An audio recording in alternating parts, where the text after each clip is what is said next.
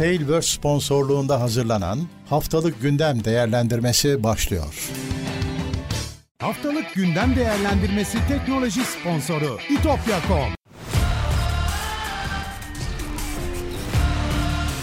Tekno Seyir sunucu sponsoru DGN Teknoloji Teknoseyir'e hoş geldiniz. Geçen haftanın öne çıkan teknoloji haberlerini derlediğimiz, değerlendirdiğimiz haftalık gündem değerlendirmesi yayınıyla yine birlikteyiz. Bu yılki gündemin numarası 44. 30 Ekim 4 Kasım 2023 arasındaki teknoloji haberlerini konuşacağız. Bu hafta ortanın biraz üzerinde yoğunlukta bir gündem var. Teknoseyir yayınlarını sürdürüyor. Bizi sitemizden takip edebilirsiniz. YouTube'dan takip edebilirsiniz. Twitch'te arada gözüküyoruz. Ee, YouTube'daki katıl sorunları falan halledildi. Bize destek vermek isteyenler oradan gönüllerine uyan bir katıl kategorisiyle bu projeye bir omuz verebilirler. İsteyen de sadece seyrederek, yorum yaparak, beğendiyse like düğmesine basarak, arkadaşlarına tavsiye ederek, paylaşarak bize destek olurlar. Çok teşekkürler herkese. Evet, gündeme dönelim. Gündem tatsız başlıyor. Türkiye'deyiz. Pek şaşırtıcı değil. Geçen hafta bir 29 Ekim coşkusuyla e, güzel günler, biraz belki gelecek için umut veren günler yaşadık. Ama bu hafta zam kabuslarıyla yine normale döndük. Evet, haftanın haberi, günün haberi. Telefon kayıt ücreti. 1 Ocak'ta 31 bin lirayı geçecek gözüküyor. 31.692 lira olacak gözüküyor. Gözüküyor diyorum çünkü bu diğer artışlarla orantılı hesaplanmış bir sayı.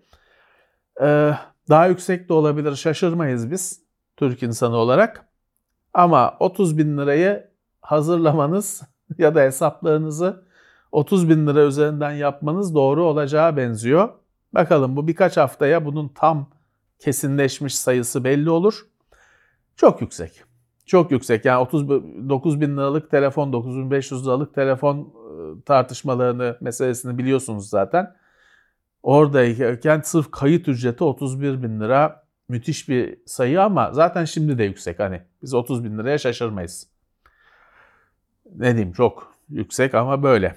Ha, o bile o halde bile biliyorsunuz en pahalı en yüksek telefonlarda 30 bin lira bile kurtarıyor yurt dışından getirdiğinizde. Böyle. Bir iki zam haberi daha var sonra teknoloji dünyasına yine sığınırız. Game Pass oyun bölümünün şeyi ama bu zamları zam konusunu bitirelim. Game Pass'a zam geldi. PC'de ve Core en ucuz paket 79 liradan 159-160 liraya çıktı. İki katı. Ultimate bütün platformları içeren yüksek paketi 120 liraymış 209 lira oldu. Zaten geçen haftalarda çoğu kişi işte alabilenler 2 yıllık 3 yıllık falan almıştı ama bir sürü kişi de tabii öyle bir şeyden haberdar değil ya da peşin para vermek istemediler. Yeni tarife böyle.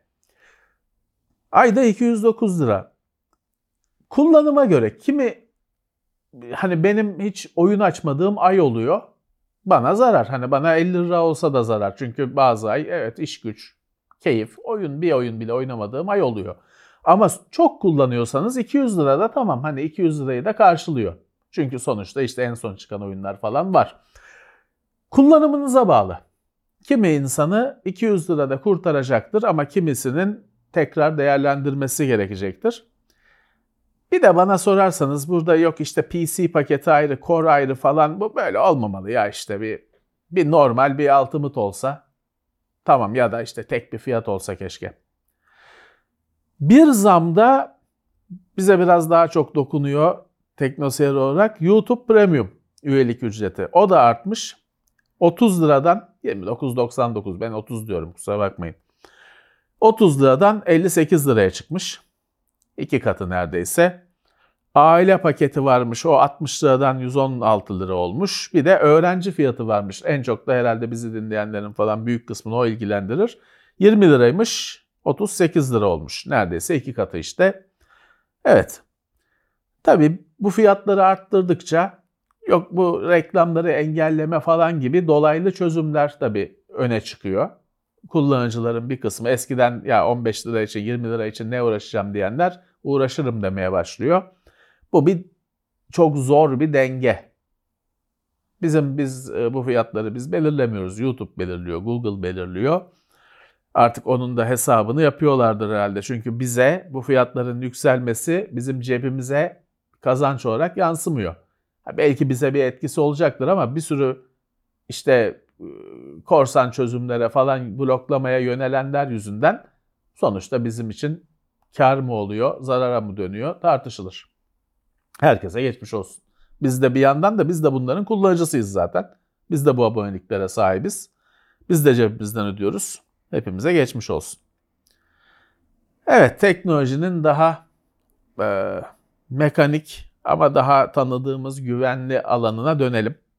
Bu haftanın olayı Apple'ın M3 işlemcilerini duyurmuş olması. İşlemci de değil de hani aslında biliyorsunuz bunlar komple sistem. Sistem ona çip deniyor ama yani biz işlemci diyelim alıştığımız şekilde.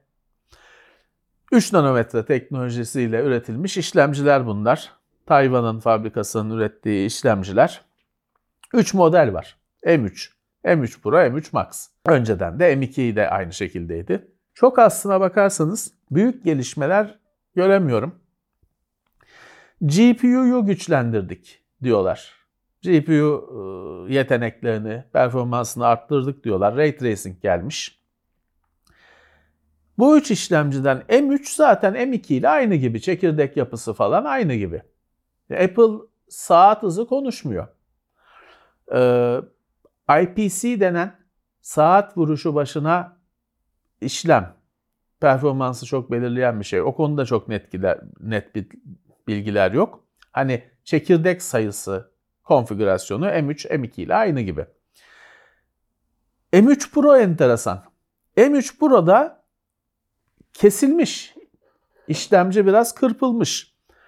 P çekirdekleri, performans çekirdekleri azalmış, E çekirdekleri artmış, GPU azalmış, GPU çekirdeği azalmış, bellek veri yolu ve bellek band genişliği azalmış. Yani M3 Pro kırpılmış. M3 Max öyle değil. M3 Max'ta P çekirdekleri, performans çekirdekleri artmış. GPU'da da çekirdek sayısı artmış. Evet. Üstte ilerleme var. Ortada bir düşüş var. Alt taraf aynı gibi gözüküyor. Tabii hani performansı belirleyen tabii başka kavram, e, faktörler de var. Birebir çekirdek sayısı aynı olunca performans aynı olacak değil. Ama kağıt üstünde aynı. Bu arada bizim bu bu haberi linklediğimiz Ars Technica'nın haberinde güzel bir tablo var.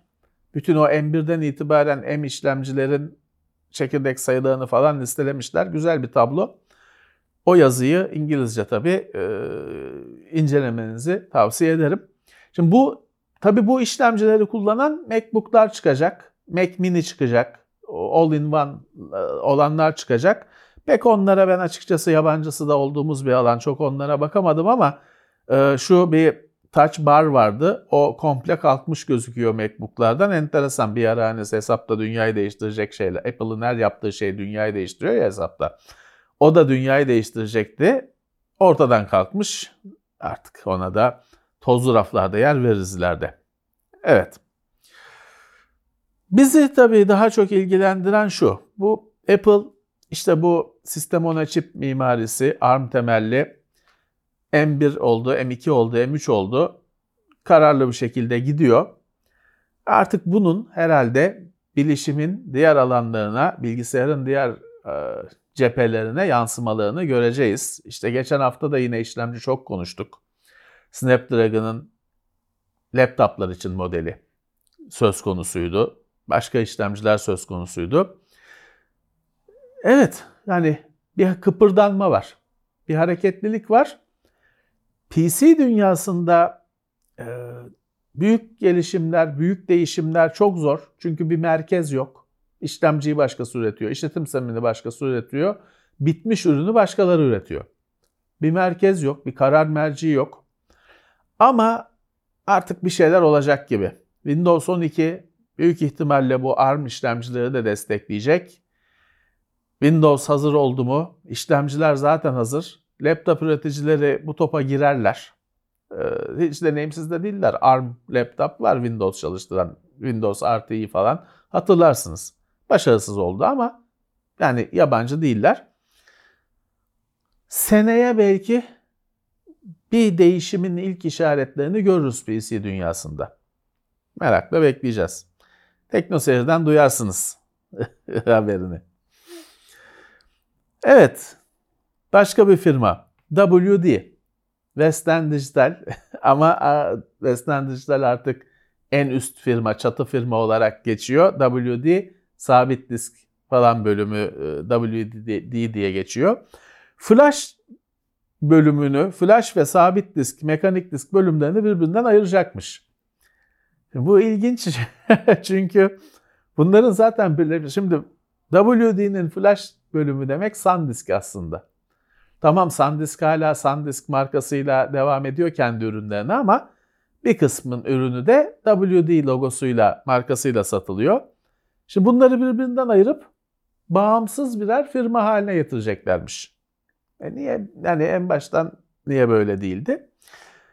Ee, şeyciler, firmanın hissedarları, yatırımcıları bu konuda baskı yapmışlar. Tabii hani mekanik WD sabit diskle özdeşleşmiş iki firmadan biri öbürü de e, Seagate. E, fakat sabit disk artık hani uzun bir süredir sabit diskle karşılaşmadık. Masaüstü bilgisayarlarda da, laptopta da, diz üstünde de flash kullanıyoruz, SSD kullanıyoruz. Sabit diski depolama cihazlarında görür hale geldik sadece. Büyük depolama, ağır işe yüklenen kamyonlar haline geldi sabit diskler. Herkes otomobil kullanıyor, SSD kullanıyor. Ama var olacak daha. 30 terabaytlık diskler falan yolda. Hep haberli, haberini veriyoruz sizlere. Flash'ta da her ne kadar günümüzün standardı geçer akçesi flash olsa da işte yine ta, haberleri takip eden arkadaşlar hatırlarlar. Şu hastalık döneminden beri, pandemiden beri yok fla, e, stok fazlasıydı, bilmem ne değeri düştüydü falan filan çalkantılar bitmedi. O yüzden işte yatırımcılar demişler ki yani bu sabit disk ağır e, yolunda giden sabit disk kısmı ayrı olsun. Çalkantılı, draması bitmeyen flash bölümü ayrı olsun demişler. Daha firmaların isimleri falan ne olacak belli değil. Ha, sonuçta ikiz firmada üretecek çarşıda ürünleri bulunacak. Ee, biraz güvenlik haberi var. Sea Cleaner As Crap Cleaner ismi de o C Cleaner olarak oturdu artık. Bilgisayarınızdaki ıvır zıvırı cookie'leri falan temizleyen bir yazılım. Kötü bir şey de değil, yıllardır var. Müşteri verilerini çaldırmış. Çok fazla da bilgi vermiyorlar ama işte %2'si kadar falan gibi bir sayılar ağızdan kaçmış. Bu firmanın o kadar çok satışı var ki %2'si bayağı milyonda sayı ediyor. Evet hani pek biraz belirsizlik içinde bir haber. Ama kayıtlı müşterilerinin e, verilerini çaldırmışlar. Ne çalındığı da tam belli değil. Bir muamma güvenlik açığı haberi. C-Cleaner kullananlar için. Daha korkutucu bir haber. Şimdi LastPass geçen senenin biliyorsunuz LastPass soyuldu, bilgiler çalındı falan filan. Ne oldu ne bu e, olmadı çok net değil orada da. Fakat LastPass'ten çalınan bilgiler yüzünden kullanıcıların mağdur olmaya devam ettikleri iddia ediliyor. Yine bu hafta 4.4 milyon dolar mı ne kripto cüzdanlarından para çalındığı ve bu cüzdanların hep LastPass'e geçmişte kayıt olmuş cüzdanlar olduğunu iddia etmiş araştırmacılar. Bir araştırmacı geçen Eylül ayında demiş ki bugüne kadar LastPass hack'i yüzünden çalınan kripto para 35 milyon dolar demiş ama Eylül ayında bunu demiş. Bu 4.4 geçen haftaki 4.4 milyon eksi, e, ekli değil buna. Evet hani yapılacak şey şu LastPass'i kullandıysanız geçmişte değiştirmeniz gerekiyor. Hele bir de hani böyle kripto cüzdanınızın işte o anahtarını falan kaydettiyseniz değiştirmek ya da o cüzdanı ben de kripto acemisiyim biliyorsunuz. Kripto cüzdanı komple kapatıp başka bir cüzdana geçmeniz falan gerekiyor bu konuya eğer kripto paranız falan varsa, yatırımınız varsa önem verin. LastPass'in e, şeyi ortalığa tam olarak saçılmış durumda hazinesi. Şimdi başka bazı arkadaşlar şifre yöneticisi kullanmanın doğru olup olmadığını tartışacaklardır. Haklılar. Ben yine LastPass olmasa da şifre yöneticisi kullanmaya devam diyorum. Şu an için daha iyi bir çözüm yok. Tamam hani parmak izi ya da işte çeşitli USB anahtarlar falan sistemler var ama her yerde geçmiyor bunlar. Birçok sistem hala babadan dededen kalma kullanıcı adı şifre sistemini kullanıyor. Ona da şifre değil parola demek lazım da öyle oturmuş. Ee, kullanıcı adı şifre sistemini kullanıyor. Aklınızda yüzlerce yani bir gün bir aktif bir bilgisayar teknoloji kullanıcısının yüzlerce kullanıcı adı şifre ikilisi var. Hepsini aynı yaparsanız büyük felaket. Hepsini farklı yapmanın da yolu bir şifre yöneticisi kullanmak. İnsanın hafızası da çünkü bir yere kadar alıyor. Evet hani en az risk olan ya da en kabul edilebilir risk diyeceğimiz bir şifre yöneticisi kullanılacak. Açık kaynak olanları var. Ee, ücretli olanlar var. Keyfinize göre birini seçin. Mutlaka telefon sürümü de olan birini seçin. Evet, bütün yumurtaları bir sepete mi koyuyoruz? Doğru. Ama daha iyi bir çözüm yok şu anda. Kağıda yazıp cüzdanınıza koyacaksınız. Cüzdan çalınırsa ne oldu? Maalesef bu durumdayız. Evet. Microsoft'tan bir iki haber var. Birisi haritalar, Maps ve Movies and TV uygulaması. Movies and TV'nin Türkçe Windows'taki adını bilmiyorum affedin. Filmler ve TV mi? Sinema ve TV mi? Bilmiyorum. Maps haritalar. Bu iki uygulama Windows'tan çıkacakmış. Mağazaya konacakmış. Store'dan indirecekmişsiniz eğer kullanıyorsanız. İçinde yeni yüklenen Windows'un içinde, Windows 11'in içinde bundan sonra gelmeyecekmiş. Acaba niye buna gerek duydular? Movies and TV'nin baksana adını bile hatırlamıyoruz. Hani kimin ne işine yarıyor tartışılır da. E, Maps hani sistemde yüklü bir şey, bir anlam ifade ediyordu. Ama herhalde kimse kullanmıyor onu da. Ayrı olacakmış, iyi. Windows CE, CE. CE'nin ne olduğu, CE'nin tam olarak ne olduğu belli değil. Bu Windows'un cep sürümü.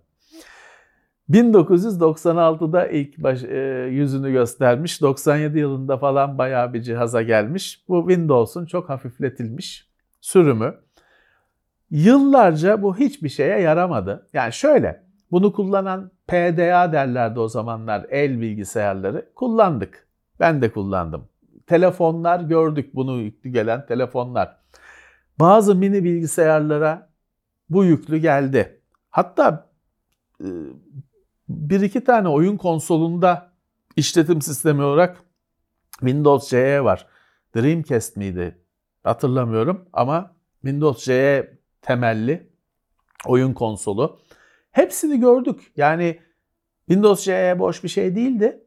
Ama hani hiçbirinde yıldız olmadı.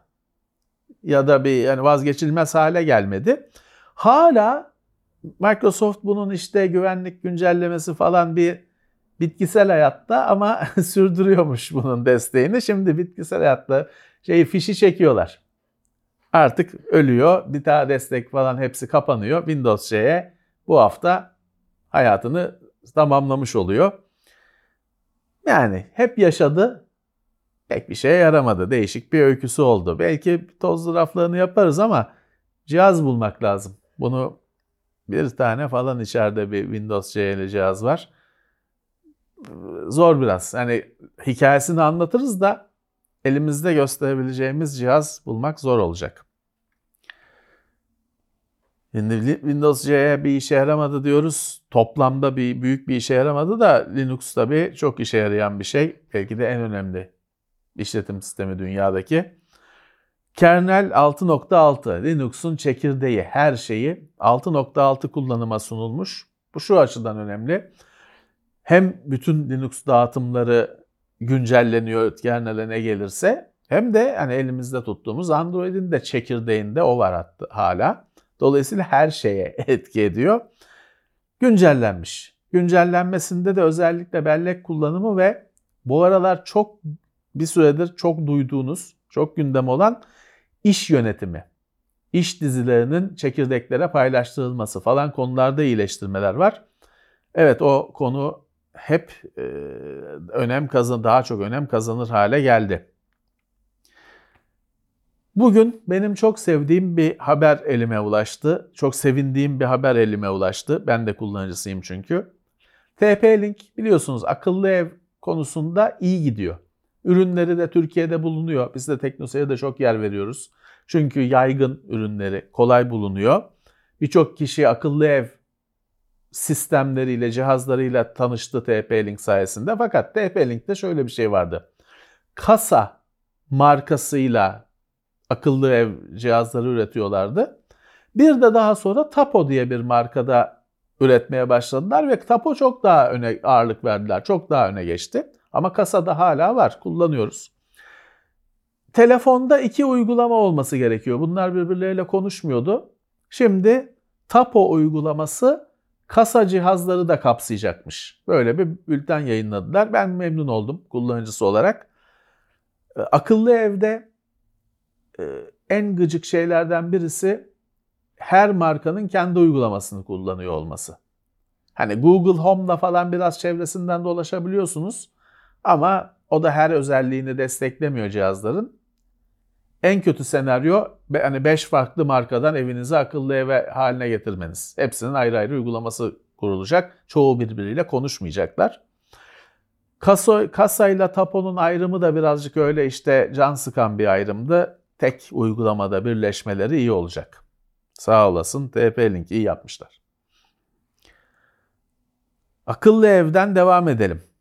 Google'dan ayrılan bir takım mühendis, bir grup mühendis Matic diye, Matic, Matic diyorum ben. Bir proje başlatmışlar, bir robot süpürge üretmişler. Esprisi şu. Şimdi biliyorsunuz robot süpürgelerin bazıları zekasız, hani geri zekalı bile demeyeceğim, zekasız robot süpürgeler. Onlar böyle bizim çocukluğumuzda pilli araba diye bir oyuncak kategorisi vardı. Araba böyle işte sağa sola çarpa çarpa dolanırdı ortalıkta. ışık çıkartır, ses çıkartır falan. Öyle bir oyuncak kategorisi vardı. Bu robot süpürgelerin en kötüleri öyle. Çarpa çarpa sağa sola çarpa çarpa dolaşıyorlar. Ne harita çıkartmak var, ne Wi-Fi var, ne şey var. Aslında robot mobot da değil. Başıboş şey deli bozuk süpürge, başıboş süpürge onlar. Zekasız robot süpürge. Ama ondan sonra asıl robot süpürgeler başlıyor. Kimisi harita çıkartıyor, o haritaya göre temizliyor. Kimisi işte bütün odayı tanıyor falan, LiDAR gibi sistemler kullanıyor falan, onun türevlerini kullanıyor. Öğrenme ve zeka var onlarda. Fakat bunlarda hani harita çıkanlarda, çıkartanlarda falan da hep şu sorun var. robotun normalde haritasında boş olarak işlediği yere siz bir kalem atın yere.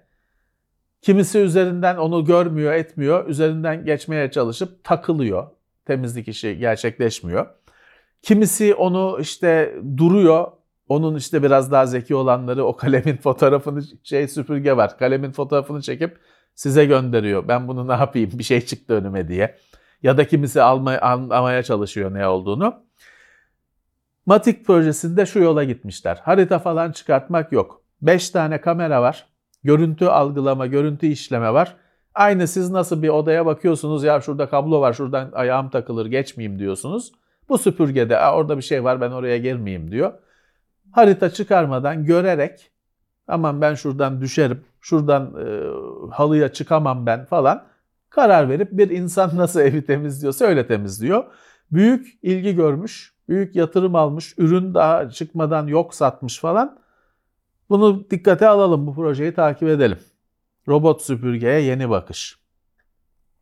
Bir de yine Google araştırmacıları e, hatta DeepMind'dan kurucularından Shane Leck demiş ki 5 daha önce de bir bu konuda tahmin yapmış, yenilemiş tahminini. Önümüzdeki 5 yıl içinde diyor yani 2028'e kadar AGI Artificial General Intelligence bu düzeye erişebiliriz diyor. Bu Yapay zekanın, şimdi biliyorsunuz yapay zeka hayatımıza girdi, kullanıyoruz ama kullandığımız yapay zekalar bir konuya özelleşmiş şeyler. ChatGPT işte konuşuyor, yazı, tekst bazlı falan işler yapıyor. Diğerleri e, Midjourney falan görsel oluşturuyor. Bunun gibi başka oyunlardaki yapay zeka var. Oyundaki karakteri oynatıyor bir tek. Hepsi bir iş yapıyor. General yapay zeka Star Trek filminde gördüğünüz gibi olacak. Bilgisayar şunu yap. Hani aynı yapay zekaya ister görüntü çizdir, ister matematik problemi çözdür, ister şiir yazdır. Ee, her işi yapan genel yapay zeka şu anda yok. Buna erişilmesi önemli bir şey. Buna çıkılması önemli bir şey. İşte e, bu araştırmacı, bu konunun uzmanı Shane Lake demiş ki 5 yıl içinde %50 ihtimalle çıkarız bu düzeye. Kesin de değil. Evet. Bakalım görecek görebilecek miyiz ve nasıl olacak? Bizim dünyayı nasıl değiştirecek bu AGI, AGI? Bunu e, bu kısaltmayı not edin daha çok duyacaksınız. Yapay zekadan güzel bir haber geldi bu hafta. İlginç bir mesele. Eski bir kayıttan 1980'den önce John Lennon hayattayken yapılmış bir kayıttan bir Beatles şarkısı oluşturuldu. Şöyle bir durum var. Şimdi John Lennon hayattayken böyle bir demo yapılmış. Daha önce bu kayıttan bir iki parça Free as a Bird falan kurtarılmış. Var o şu anda dinlediğiniz bir şarkı. Fakat bu üçüncü kalan şarkı vokal piyanoyla çok fazla karışıyormuş ve 1990'larda bu işe giriştiklerinde ayıramamışlar. Vokali diyor e, yükselttiğimizde piyano da yükseldi. Ayıramadık John Lennon'ın sesini o zamanın teknolojisiyle diyorlar. Şimdi yapay zeka sayesinde piyanoyla John Lennon'ın vokalini ay- ayırmışlar ve bu şarkıyı yayınladılar. Ee, şeyde son Beatles şarkısı olarak sosyal ağlarda işte stream platformlarında falan var. Şarkının adını not etmemiş olduğumu fark ettiniz herhalde. evet haklısınız. Notlarımı almamışım. Ben daha çok büyük resmi görüyorum. Meseleyi e, görüyorum ama linklerde falan bulacaksınız. Evet. Ölmüş sanatçılar tekrar hayata dönebiliyor yapay zeka sayesinde. Ama bunun bir de negatif tarafı var. Şimdi aktris, oyuncu e, Scarlett Johansson ya da Johansen mi nasıl okunuyor bilmiyorum. Çok çok güzel bir kadın. E, görüntüsünü ve sesini izinsiz kullanan yapay zeka firmasını dava etmiş. Çünkü bir yapay zeka firması bir klip yapmış kendisine. Bu hanımın hani direkt videosunu değil de yapay zeka ile üretilmiş halini, sesinin de yapay zeka ile taklit edilmiş halini kullanmış. Ama tabii ki hani her bakan kim olduğunu anlıyor. Hanımefendi de haklı olarak dava etmiş. Geçen haftaki Tom Hanks haberini hatırlarsınız. Onda da benzer bir durum vardı. Herhalde gittikçe artacak. Bir yandan iyi bir şey. Hani kimse ölmüyor. Yani belki iyi bir şey bu. Ama bir yandan da evet hani izinsiz kullanımlar falan artacak. Bunun bir sonraki cephesi göreceksiniz işte filanca sanatçının ölmüş sanatçının görüntüsü kullanılacak. Onun bir mirasçısı diyecek ki ben izin vermedim. Öbür mirasçısı kendi satmış diyecek. Birbirlerine girecekler falan. Hepsini yaşayacağız bunların. Bir tane yapay zeka magazin kanalı açsak aslında. Yapay zeka televole. olur mu olur. Leica'nın yeni kamera yine yapay zeka ile bağlantılı bir şey. Leica'nın yeni fotoğraf makinesinde bir e, fotoğrafın gerçekliğini not eden, onaylayan bir sistem kullanılmış. Content Credentials. Bu bir açık bir standart. Hani EXIF var ya fotoğrafın yerini falan kaydediyor, makinenin tipini kaydediyor. Oradan yakalanıyor bazen suçlular falan. Bu onun daha ilerisi. Hani yine fotoğrafın yerini, saatini e, kaydediyor falan ama mesela bu sistemi destekleyen yazılımla fotoğrafı değiştirirseniz o da kaydediliyor. Şu saatte şurada şöyle yapıldı falan diye. Exif'ten çok daha ileri ve şifrelenmiş şekilde saklanan bir bilgi bloğu. Daha yayılması lazım tabii. Şey bu bunu desteklemeyen yazılımla fotoğrafı editlerseniz orada bir boşluk oluştuğu falan hani kayıtta bir boşluk oluştuğu ortaya çıkmış. Ama evet fotoğrafın artık şöyle yapay zeka yüzünden bir görüntünün yapay zeka ile oluşup oluşmadığını %100 netlikle ispatlayamadığımız için yük şeye geçti. Fotoğrafın gerçek fotoğrafın gerçekliğini ispatlama yönüne esti rüzgar. Artık öyle yapacağız. Şimdi eskiden robotlar işte robotluklarını bilmem ne robot değilim falan şeyi vardı. Şimdi insanlar ben insanım diye işaretleyecek demek ki. Bir tane de Türkiye'den bir etkinlik haberi var. Geçen hafta da İzmir Yüksek Teknoloji Enstitüsü onların bir etkinliğini haber etmiştik. Yine onlardan bir etkinlik var Aralık ayında. 5 Aralık 2023'te Sustino 2023 gerçekleşecekmiş. Sustainable Innovation yani sürdürülebilir yenilikçilik. Daha çok yenilenebilir enerji, alternatif enerji gibi konuların yüksek teknolojiyle bağlantısının konuşulduğu bir etkinlik. 5 Aralık 2023'te takibe alın şimdiden. Ee, biz de duyurmuş olalım. Ve bununla birlikte oyunlara dönebiliriz. Birazcık yüksek fiyatla, zamlı fiyattan oyunları ne oyunlar oynayabileceğiz görelim. Bungie'de bir gariplikler var. Halo'nun, Destiny'nin yapımcısı Maraton'la geri dönecek olan Bungie'de büyük bir işten çıkartma gerçekleşti. Sayılar çok net değil ama gerçekten çok büyük sayıda işten çıkartma gerçekleştiği belirtiliyor sektörün takipçileri ya da aktörleri tarafından. Ee, hatta hani iyice firma eline yüzüne de bulaştırmış. Firma başkanı bir mesaj yayınladı. Ya bunlar çok bu işten çıkartılanlar çok iyi adamlar. Ben olsam işe sizin yerinizde olsam işe alırdım falan gibi sektöre bir çağrıda bulunmuş. Tabii bu pek hoş karşılanmadı. Hani sus be gibi bir şey yapıldı, tepki verildi. Haklı, o kadar iyiyse niye işten çıkarttın?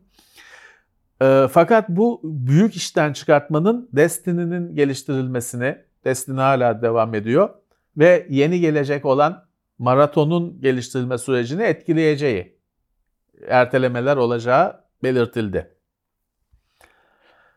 Call of Duty Modern Warfare 3 geliyor biliyorsunuz. Onun da sistem gereksinimleri açıklandı. Özellikle hard disk alanında bayağı bir sistemi yoracak gözüküyor.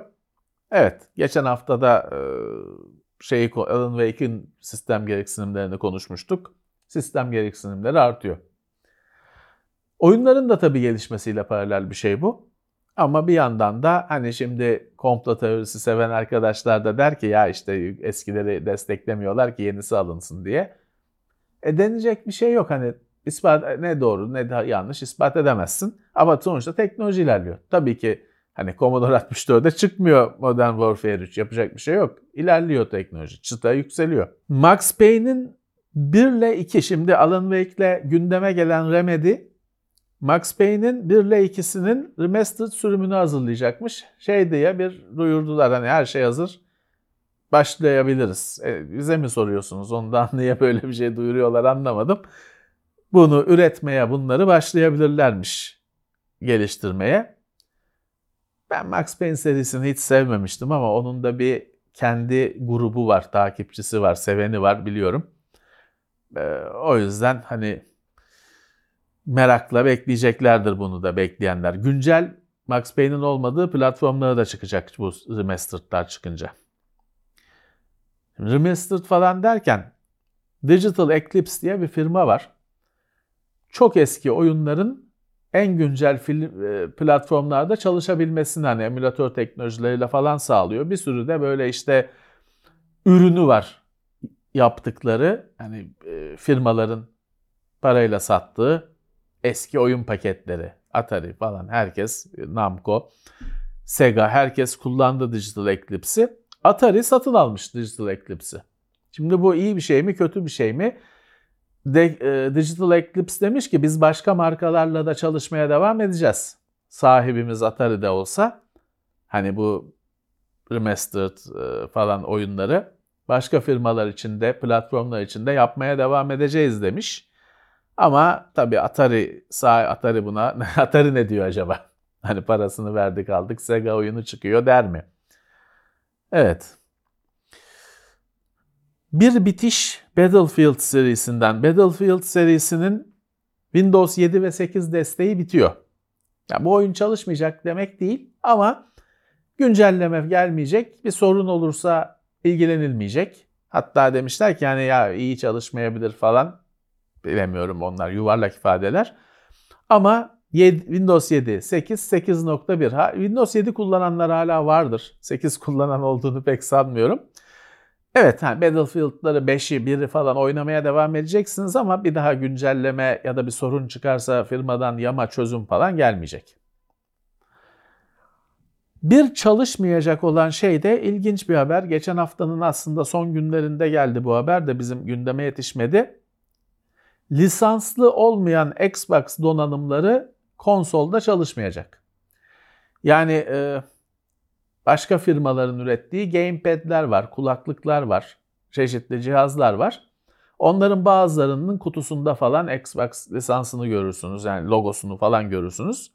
Kimisi de hani izin falan alınmadan üretilmiş şeyler. O işte e, izin falan alınmadan üretilmiş şeyleri Xbox çalıştırmayacakmış. Tek bir istisna koymuşlar. Xbox'ın engelliler için bir cihazı var.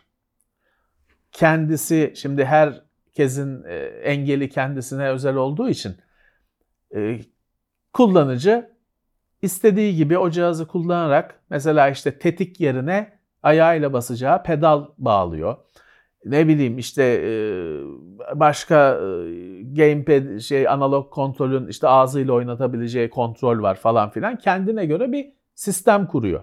Rahat oynayabileceği şekilde. O cihaza bağlı USB ile bağlanan o tetikler falan filan ek donanımlara izin vereceğiz demiş Microsoft. İnsanların oyun keyfini bozmamak için herhalde. Ama onun dışında öyle bir çalışan bir cihazınız varsa lisanssız çalışmayacakmış. Bir tek iyi şey var bu haberin. Biliyorsunuz bu Microsoft kablosuz iletişimde kendi protokolünü kullanıyor. Dolayısıyla bu firmaların ürettiği gamepad'ler falan hep kabloludur. Microsoft'un o kablosuz standardı açıp daha çok firmaya lisans vereceği belirtilmiş. Yani lisanssızlar gidiyor çöpe ama daha çok seçenek artacak. İleride satın almak için daha çok bütün özellikleri kullanan kablosuz kulaklıklar, gamepad'ler artacak. Heh. Şeyi bu. Tek olumlu tarafı bu. Evet. 30 Ekim 4 Kasım arasının teknoloji gündemine damgasını vuran haberleri buydu. Sizden gelen haberler de vardı. Çok teşekkürler. Önemli bir haber kaçırdığımızı düşünmüyorum.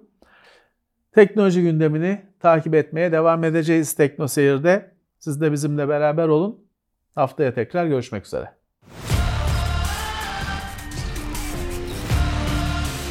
Tekno Seyir sunucu sponsoru DGN Teknoloji. Haftalık gündem değerlendirmesi teknoloji sponsoru itopya.com Tailwords sponsorluğunda hazırlanan haftalık gündem değerlendirmesini dinlediniz.